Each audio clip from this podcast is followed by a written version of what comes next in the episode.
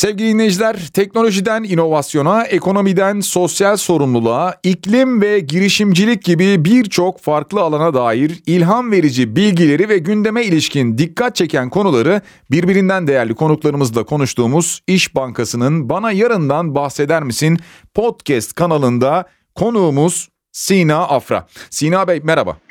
Merhaba. Sina Bey şimdi biz sizi yakinen tanıyoruz. Belki ben marka Foni deyince insanlar çok daha yakın hemen hatırlamaya başlayacaklar. Ama yine de ilk kez sizi bu podcast vasıtasıyla tanıyacak olanlar için Sina Afra'yı özellikle tabii ki girişimcilik yönünüzü tabii soracağım ama bir anlatabilir misiniz? Kısaca bahsedebilir misiniz kendinizden? Ee, zevkle. Ee, şöyle Sina Afra e, kimdir e, denildiğinde birkaç tane e, böyle bir dönemi var Sina Afra'nın. E, benim babam diplomattı. Onun için e, benim hayatımın çok büyük bölümü yurt dışında geçti.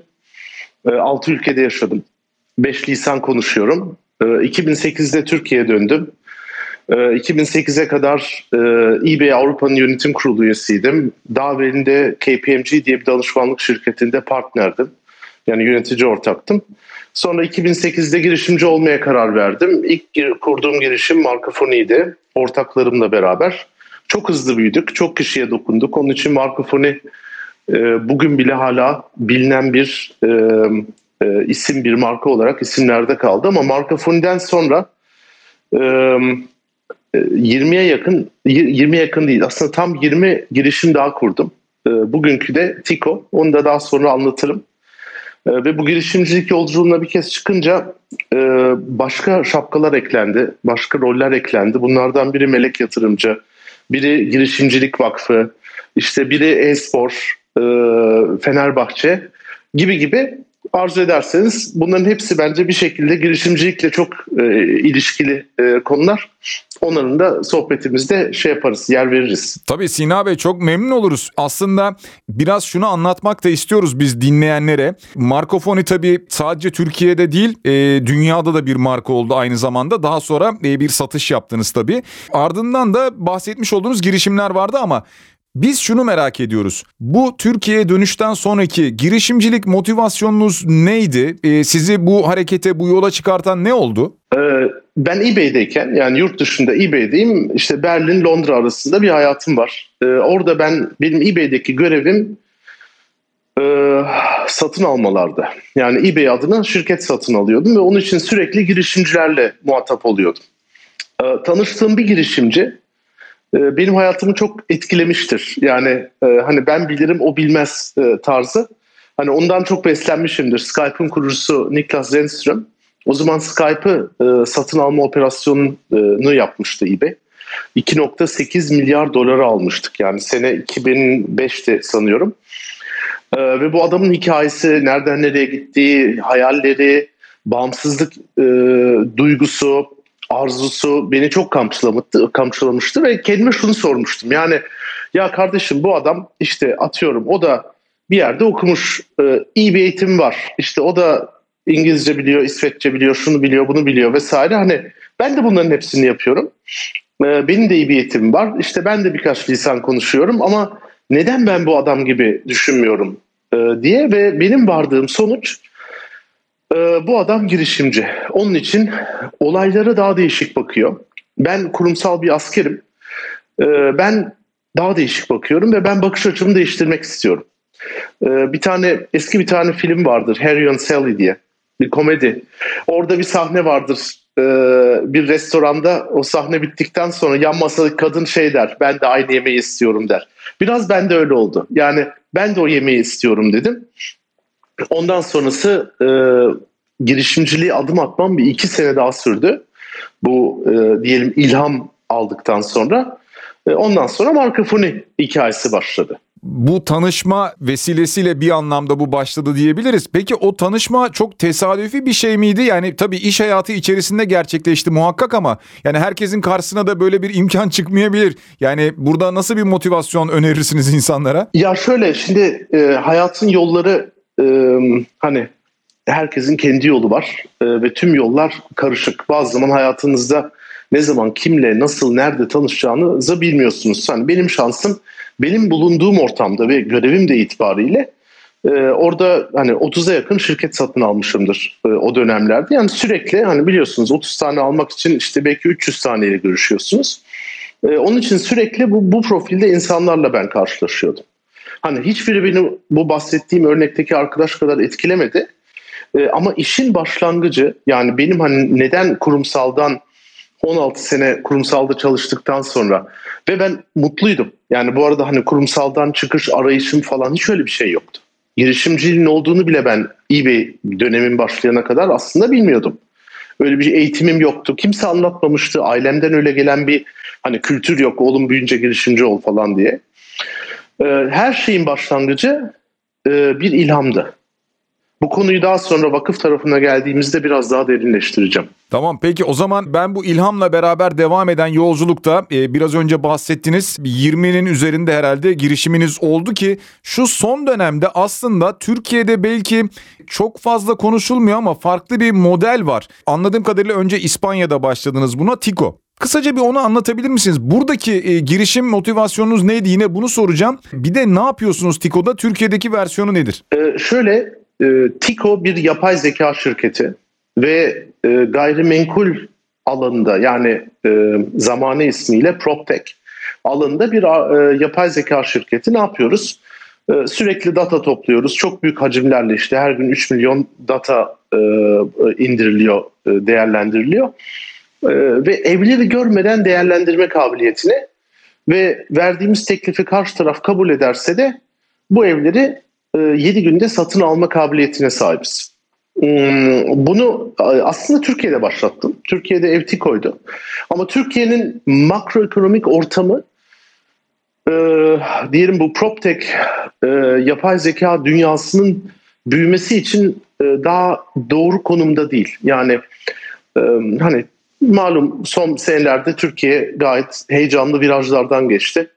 Iı, darbe girişiminden e, faiz, ekonomik, e, siyasi, erken seçimler vesaire derken şimdi bu gayrimenkul alanında e, e, uzun temelli bir iş yapmak için çok stabil bir makroya ihtiyacınız var. Ben onun için mutfağı Türkiye'de tuttum. Yani tüm sistem Türkiye'de Türk girişim şey yazılımcıları tarafından geliştiriliyor.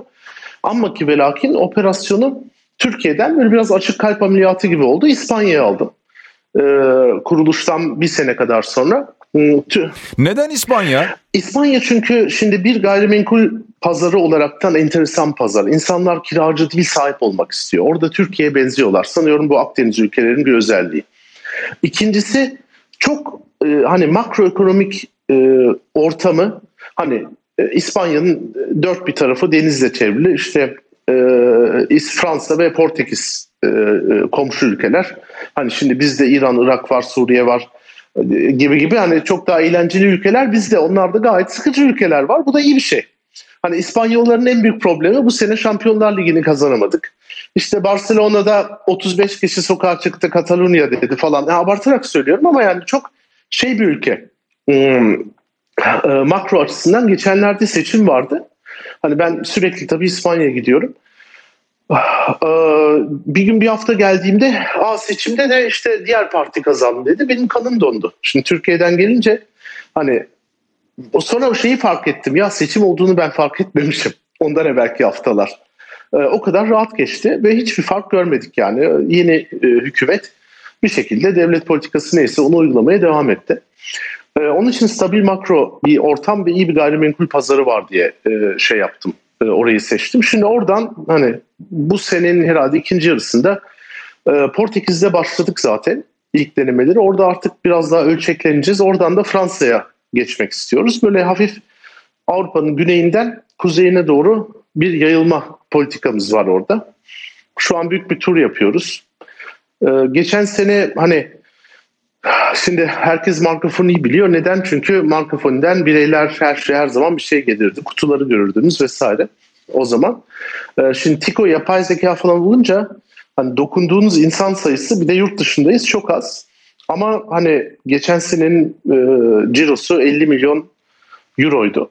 Hmm, yani çok şey bir şirket değil böyle hani ufak e, işte yeni startup bilmem ne e, diye. E, bir de yapay zeka hani elektronik ticaretten daha zor anlatılan ve anlaşılan bir alan.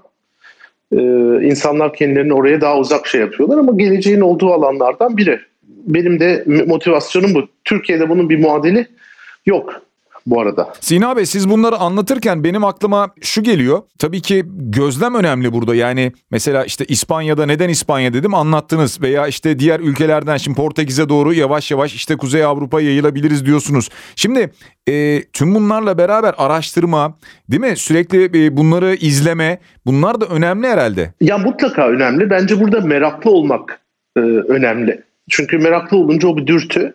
E, biz de yani bu yurt dışı e, yurt dışında hareket etmek vesaire benim geçmişimden de ben çok faydalanıyorum. Yani dediğim gibi ben hani açıkçası benim e, Türkiye'de e, ilkokulda bir iki sene dışında bir e, okul eğitimim yok.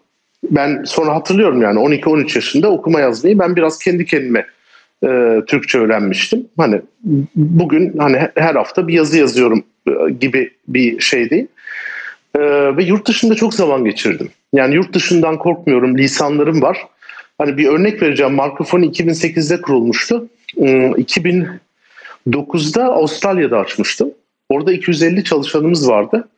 Oradan e, Güney Kore, Ukrayna, e, Polonya, Yunanistan gibi e, hani bir mantığı var bunun arkasında ama tabii bu ülkeleri sırasıyla söyleyince garip geliyor.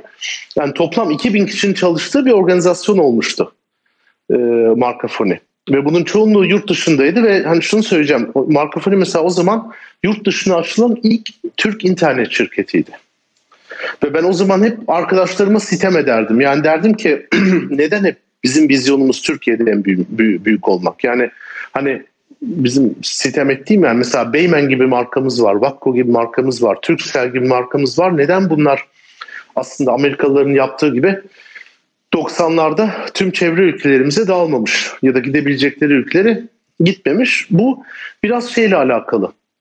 Yani vizyon, bakış açınız, eğitim e, aldığınız bugüne baktığımızda yeni kuşak girişimciler e, veya yani yeni kuşak girişimler diyeyim sadece yaşa bağlamayalım. Hepsinin bir yurt dışı bacağı var.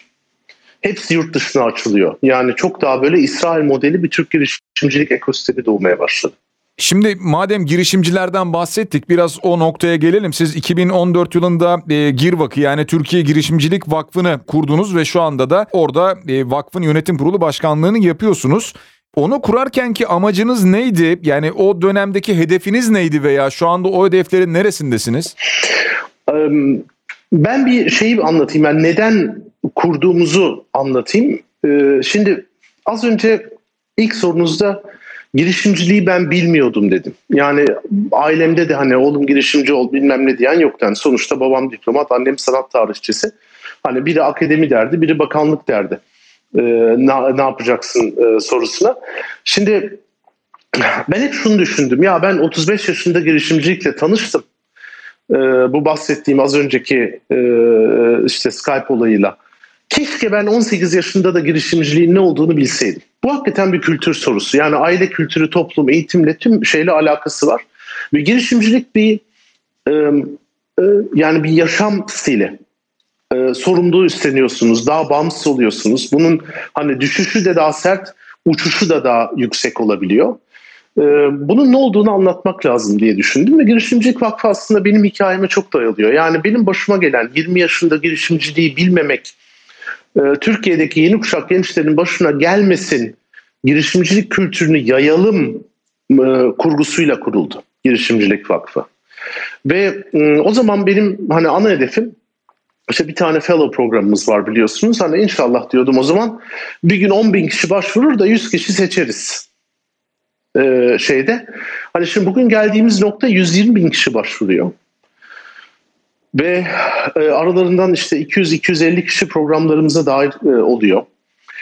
E, o zaman e, şey istiyordum mesela bir başka hedefim üniversitede okuyan gençlerimize ileride ne yapacaksınız diye sorduğunuzda 2013 senesinde yüzde beşi e, açık bir soru olarak yüzde beşi girişimci olacağım diyordu.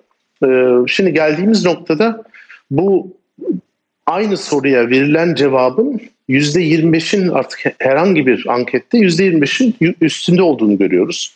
Benim hedefim hep %20 idi. Yani bir şekilde hani Türkiye genel olarak gençlerde girişimcilik merakı, bilgisi arttı. Hani orada girişimcilik vakfının da bir ufak katkısı olduysa hani ne mutlu bize. Ve bir de saygı değer bir marka olarak konumlandırmak. Ee, hep öyle istedik yani mütevelliyetiyle olarak yani. Hani saygı değerlik daha çok para e, almaktansa daha işte fazla para harcayabilmektense çok büyük ekiplere sahip olmaktansa e, saygıdeğer olalım e, şeyi vardı ve ona çok önem veriyoruz. Onun için hani herkese eşit mesafedeyiz. Ee, hani ülke için faydalı bir şeyler yapalım, gençler için faydalı bir şeyler yapalım diyoruz. Gençler de bunun bize karşılığını veriyor. Yani hani 120 bin e, başvuru her sene e, sanıyorum Türkiye'de bunun başka bir örneği yok. Ve e, yavaş yavaş işte bu girişimci kültürünü yaymak için de yeni yeni projelere doğru yol alıyoruz. Yani fon, girişimcilik merkezi, işte yazılımcı eğitimleri akademik seviyede gibi bunlar da bizim geleceğimizin bir parçası. Evet yani bir yandan bu 120 bin sayısı gerçekten yüksek bir sayı. Ben de bu sayıyı beklemiyordum. Ciddi bir hedef e, ve %25'inin de bu hedefe doğru ilerlemesi, girişimcilik yönünde ilerlemesi de çok değerli. Tüm bunlarla beraber bu pandemi sürecini de nasıl değerlendiriyorsunuz? Yani aslında bir anlamda başlangıçta herkes çok endişeliydi ama daha sonrasında işte bir takım fırsatlar da ortaya çıkmaya başladı. Böyle bir dönüşüm süreci de olmaya başladı. Ee, siz bir işte girişimci olarak, bir yatırımcı olarak hatta işte e, Girişimcilik Vakfı'nın yönetim kurulu başkanı olarak bu süreci nasıl yorumluyorsunuz? Ee, şöyle pandemi sanıyorum öncelikle herkesin CTO'su oldu.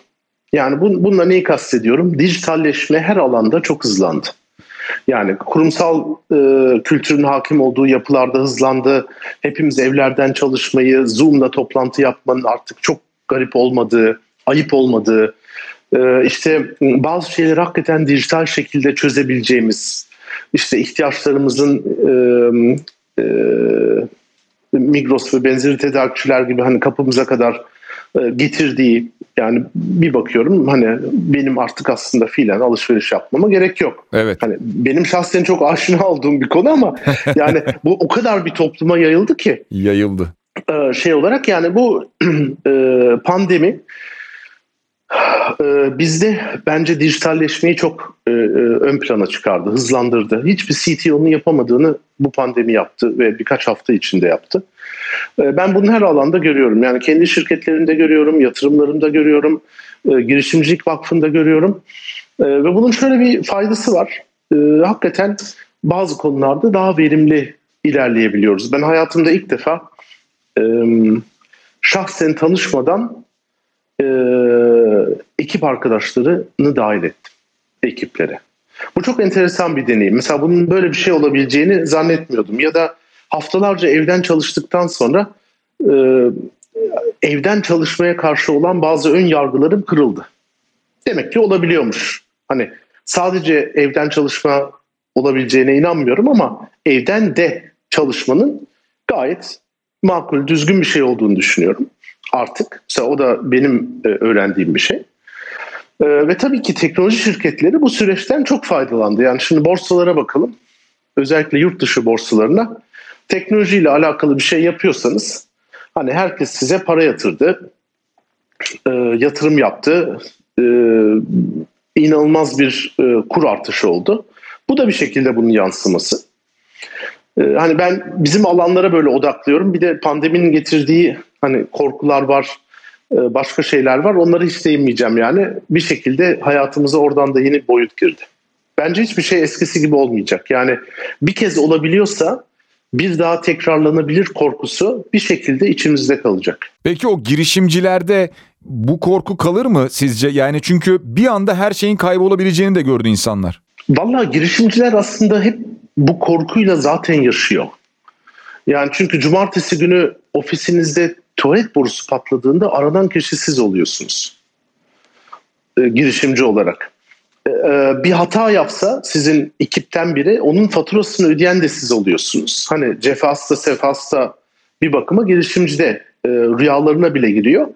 Bence hani çoğu girişimci zaten bu hani 3 ay sonra paramız bitecek. İşte şu ürünümüz tutmazsa tüm her şeyi oraya yatırdık. Patlayacağız. Bu çok yani girişimcilerin hani biz hep en başarılı en büyükleri konuşuyoruz hep ama hani girişimciliğin bir yüzde doksanı bu korkularla, dürtülerle e, yaşayan, beklentilerle yaşayan bence onların hayatında evet yeni bir korku eklendi. Ama çok bir şey değiştirdi mi? Hayır. Onların korku repertuarına yeni bir canavar daha eklendi. Yani bir pandemi daha olursa işte biz batabiliriz korkusu mesela diyelim. Onun için bence o taraf daha vakur adımlarla ilerlemeye devam edecek. Ama daha hani old style işte restoran kafe işletiyorsunuz vesaire işte turizm şirketisiniz, event şirketisiniz. Ee, onlar için bence çok daha büyük bir e, korku bu pandeminin olabileceği. Tam Black Swan e, yani kara kuğu olayı. Evet biz dışarıdan aslında baktığımızda tabii yani birçok iş için geçerlidir. Bu hepimizin işi için geçerli. Dışarıdan bakıldığında işte e, mesela Marco veya işte daha sonrasında e, ne bileyim bu sene e, geçtiğimiz sene daha doğrusu Getir çok konuşuldu. İşte e, yatırımı yatırım aldı. E, Londra'ya açıldı gibi. Şimdi dışarıdan bakılınca her şey güzel görünüyor. İşin içine girince tabii sizin söylediğiniz gibi e, ne bileyim bir su borusu bile patlasa e, o şirket onun sıkıntısını yaşıyor. Peki e, bu girişimcilik modellerinin yurt dışına açılması şart mı? Ee, yani yurt içinde e, bir e, düzeyde kalmak yerine yurt dışında da çeşitli açılımlar yapması, başka ülkelere gitmesi, orada ofisler açması gerekir mi? Bu yeni startuplara ne önerirsiniz? Vallahi şöyle global bir dünyada yaşadığımıza inanıyorsak evet gerekli.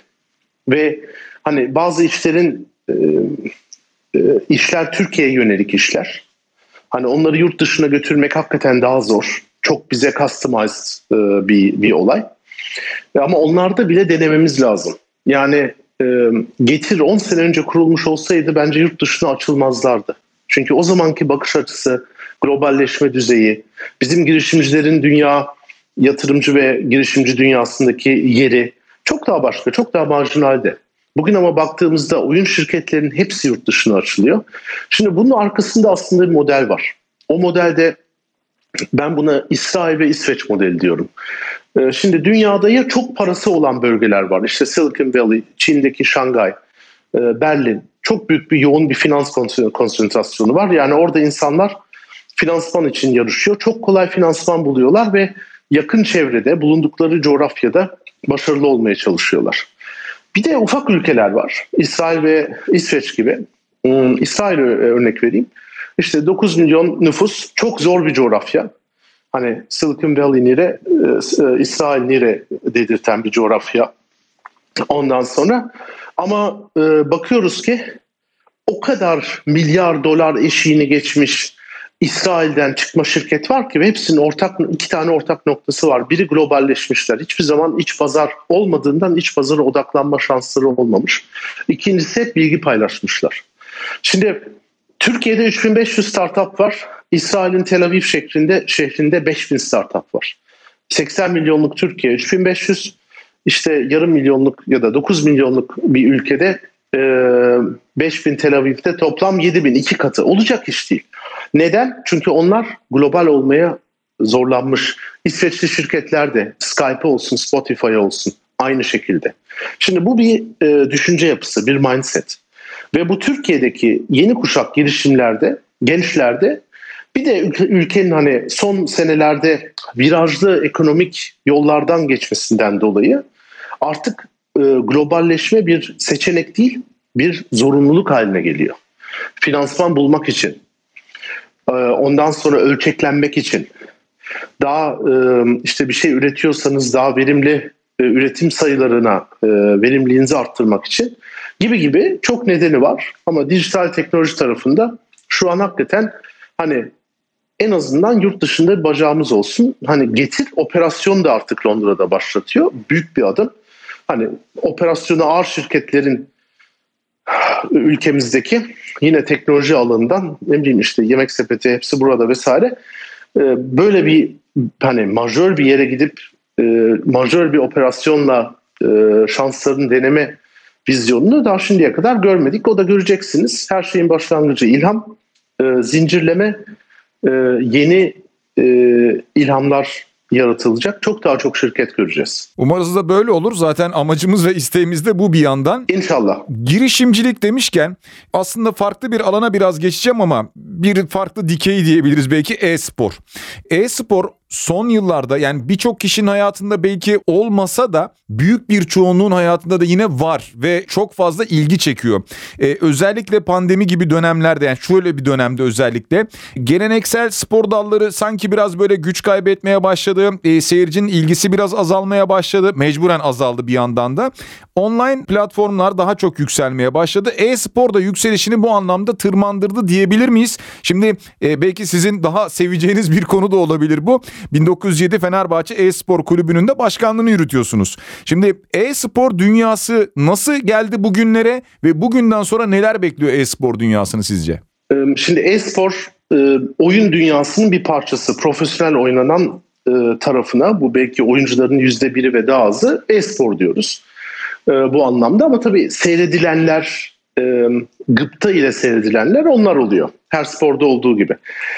Şimdi e-spor bir de yani dışarıda olunca onu da izninizle çok kısa anlatayım. E-spor dışarıdan bakınca çok daha karışık. Çünkü futbol dediğinizde bir oyun var. Kurallar belli. Dünyada aynı. İşte UEFA'sı var, FIFA'sı var. Oyun dediğinizde oyun şirketleri var. 27-30 tane oyun şirketi var ligi olan dünyada. Belki daha fazla. Onun için insanların aklı karışıyor. Hani e, e-spor dediğinizde futbol mu oynatıyorsun? E, gibi sorular geliyor. Değil yani orada League of Legends'ı var, işte Valorant'ı var, PUBG'si var, Fortnite'ı var. Var da var yani şeyde. Onun için ıı, hani e-sporda aktif olan bir takım birden fazla oyunda aktif oluyor. Seyirci sayıları olarak Amerika dahil e-spor basketbolu geçti. Voleybol zaten ıı, çok arkamızda kaldı. Türkiye'de de iki numara. Yani hiçbir basket maçı e-sporun seyirci e, şeyini çekemez e, ekrana. E, hani hafta sonu e-spor yayınları olduğunda e, 100-200 bin kişi canlı YouTube'dan seyrediyor. Yani daha televizyonlarda bile değil. E, final maçları olduğunda e, birkaç dakika içinde e, Ülker Spor Arena gibi 15 bin kişilik bir stat e, tüm biletler satılmış oluyor. Yani hani Tarkan'ın Harbiye konserlerinden, yaz konserlerinden daha çabuk bir satış hızı var yani. Ee, izlenmesi çok. Ee, ben hep geleceğin sporu diyordum. Aslında bugünün sporu ee, şeyde. Ve ben benim orada belirli tezlerim var. Evet ben Fenerbahçe e-spor e, şubesinin e, kurucusuyum, başkanıyım. Ali Koç önderliğinde işte 4 sene önce 1907 derneğinde e, hep beraber kurmuştuk. Şu an 85 oyuncu, koç, analist gibi e, büyükçe bir kadromuz var. E, bunların işte hepsi profesyonel oyuncular. E, ona göre e, şey yapıyoruz, davranıyoruz. Ve hani Fenerbahçe olarak bizim çıkış noktamız 20 sene sonra, belki daha da erken, e-spor branşı olmayan spor kulübü spor kulübü olarak kabul edilmeyecek. Yani o kadar iddialı bir tez. Hatta ki hatta bir adım ilerisine gideyim. 20 sene sonra bugün e-spor takımları olarak bildiğimiz hani ben bir spor kulübünün bir şekilde bir parçasıyım ama e-spor kulüpleri de var. İşte Cloud9, e, işte Kore'de T1 falan gibi yani daha tamamıyla bizim genelde bu dünyada olmayan insanlara yabancı gelen isimler. Bunların gerçek spor takımları kurduğunu da göreceğiz. Yani bunların markalaşma dönemleri, asıl rekabet bugünkü spor kulüplerini e-sporcuların e, bizim hani daha e, bildiğimiz, aşina olduğumuz futbola, basketbola adım atmasıyla e, da gelecek. Bu hepsi bir değişim sürecinin içindeyiz.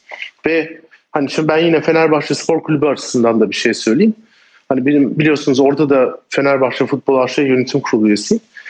Ve e, eğer Fenerbahçe bir gün Çin'de forma satacaksa bu e-spor sayesinde olacak.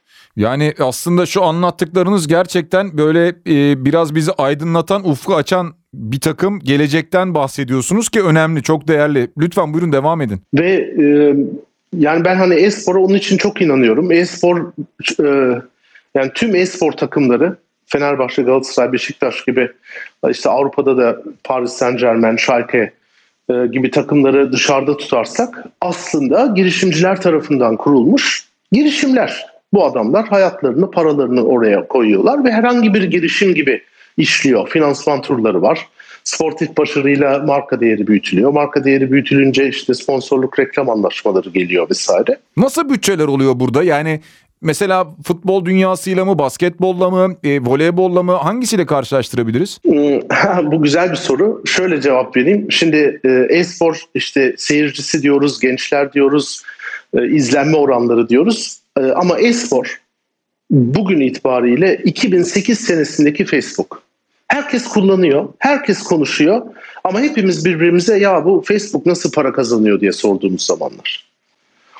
Şimdi bir gün gelecek hani Facebook IPO'sunu yaptı. Milyarlık işte şirket oldu. 20 milyar, 100 milyar e, dünyanın en başarılı şirketlerinden biri oldu. Muazzam gelirleri ve karlılığı var bugün. Espor'un gideceği yolu.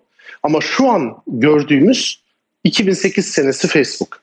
Herkes kullanıyor, herkes konuşuyor ama gel gör ki Facebook nasıl para kazanıyor olayını daha o zaman çözememiştik. 2-3 sene sonra Facebook'un cevabını verdi. E-spor da aynı yolda. Yani bugünkü bütçeler bir profesyonel e-spor oyuncusu işte dünyadaki en başarılı Kore'deki e, büyük oyuncular 1 milyon 1,5 milyon dolar kazanıyor. Ülkemizde daha düşük. Yani ülkemizde e, herhalde bir 600-700 bin TL'yi geçmiş adam olmayabilir. Yani bir League of Legends tarafını düşünüyorum. Yani bu yıllık bir bütçeden mi bahsediyorsunuz böyle kazançtan? Abi bu bir oyuncu. Bir oyuncunun değil mi? Yani bir oyuncunun kazancı. Evet ama en uç noktadaki oyuncu. Hmm. Hani normal e, şeye geliyor. İşte Türkiye'de takım bütçeleri e, herhalde 3 ila 5 milyon TL arası değişiyordur. E, 10 olabilir. Ama hani futbolla kıyas kabul görmez şu an. Yani popülerliği kadar bir bütçesi geliri yok şu anda. Ekonomisi ekonomisi yok daha. Hayır ödül paraları düşük. Evet. Oyun şirketleri işte a diyorlar kripto paralar kripto paracıların reklamlarını almayın. İşte betting reklamı almayın. Hani futboldaki basketteki olanakların çoğu daha açılmadı. Hepsi açılacak. Onun için zaten girişimciler bu alana giriyor. Ben Fenerbahçe olmasa hayatımda ben kendim bir espor takımı kurmuştum. Yani ben ondan vazgeçip aslında Fenerbahçe için kurmayı tercih ettim. Ve e, anladığım kadarıyla dolayısıyla bu yolda ilerleyeceksiniz. Kendiniz kurmayacaksınız herhalde bundan sonra. Hayır hayır hayır. Benim e-spor tarafım tamamıyla e, şey Fenerbahçe tabii ki. Biraz yine bundan sonrasını e, ve girişimciliği sormak istiyorum. İşte uzaktan eğitim dönemi vardı, topluluk yönetimleri vardı. Bunların hepsi online platformlara taşındı. E, yine vakfın gündemine dönecek olursak gençlere dokunan ve hayatlarını değiştiren e, bir değer öneriniz de var.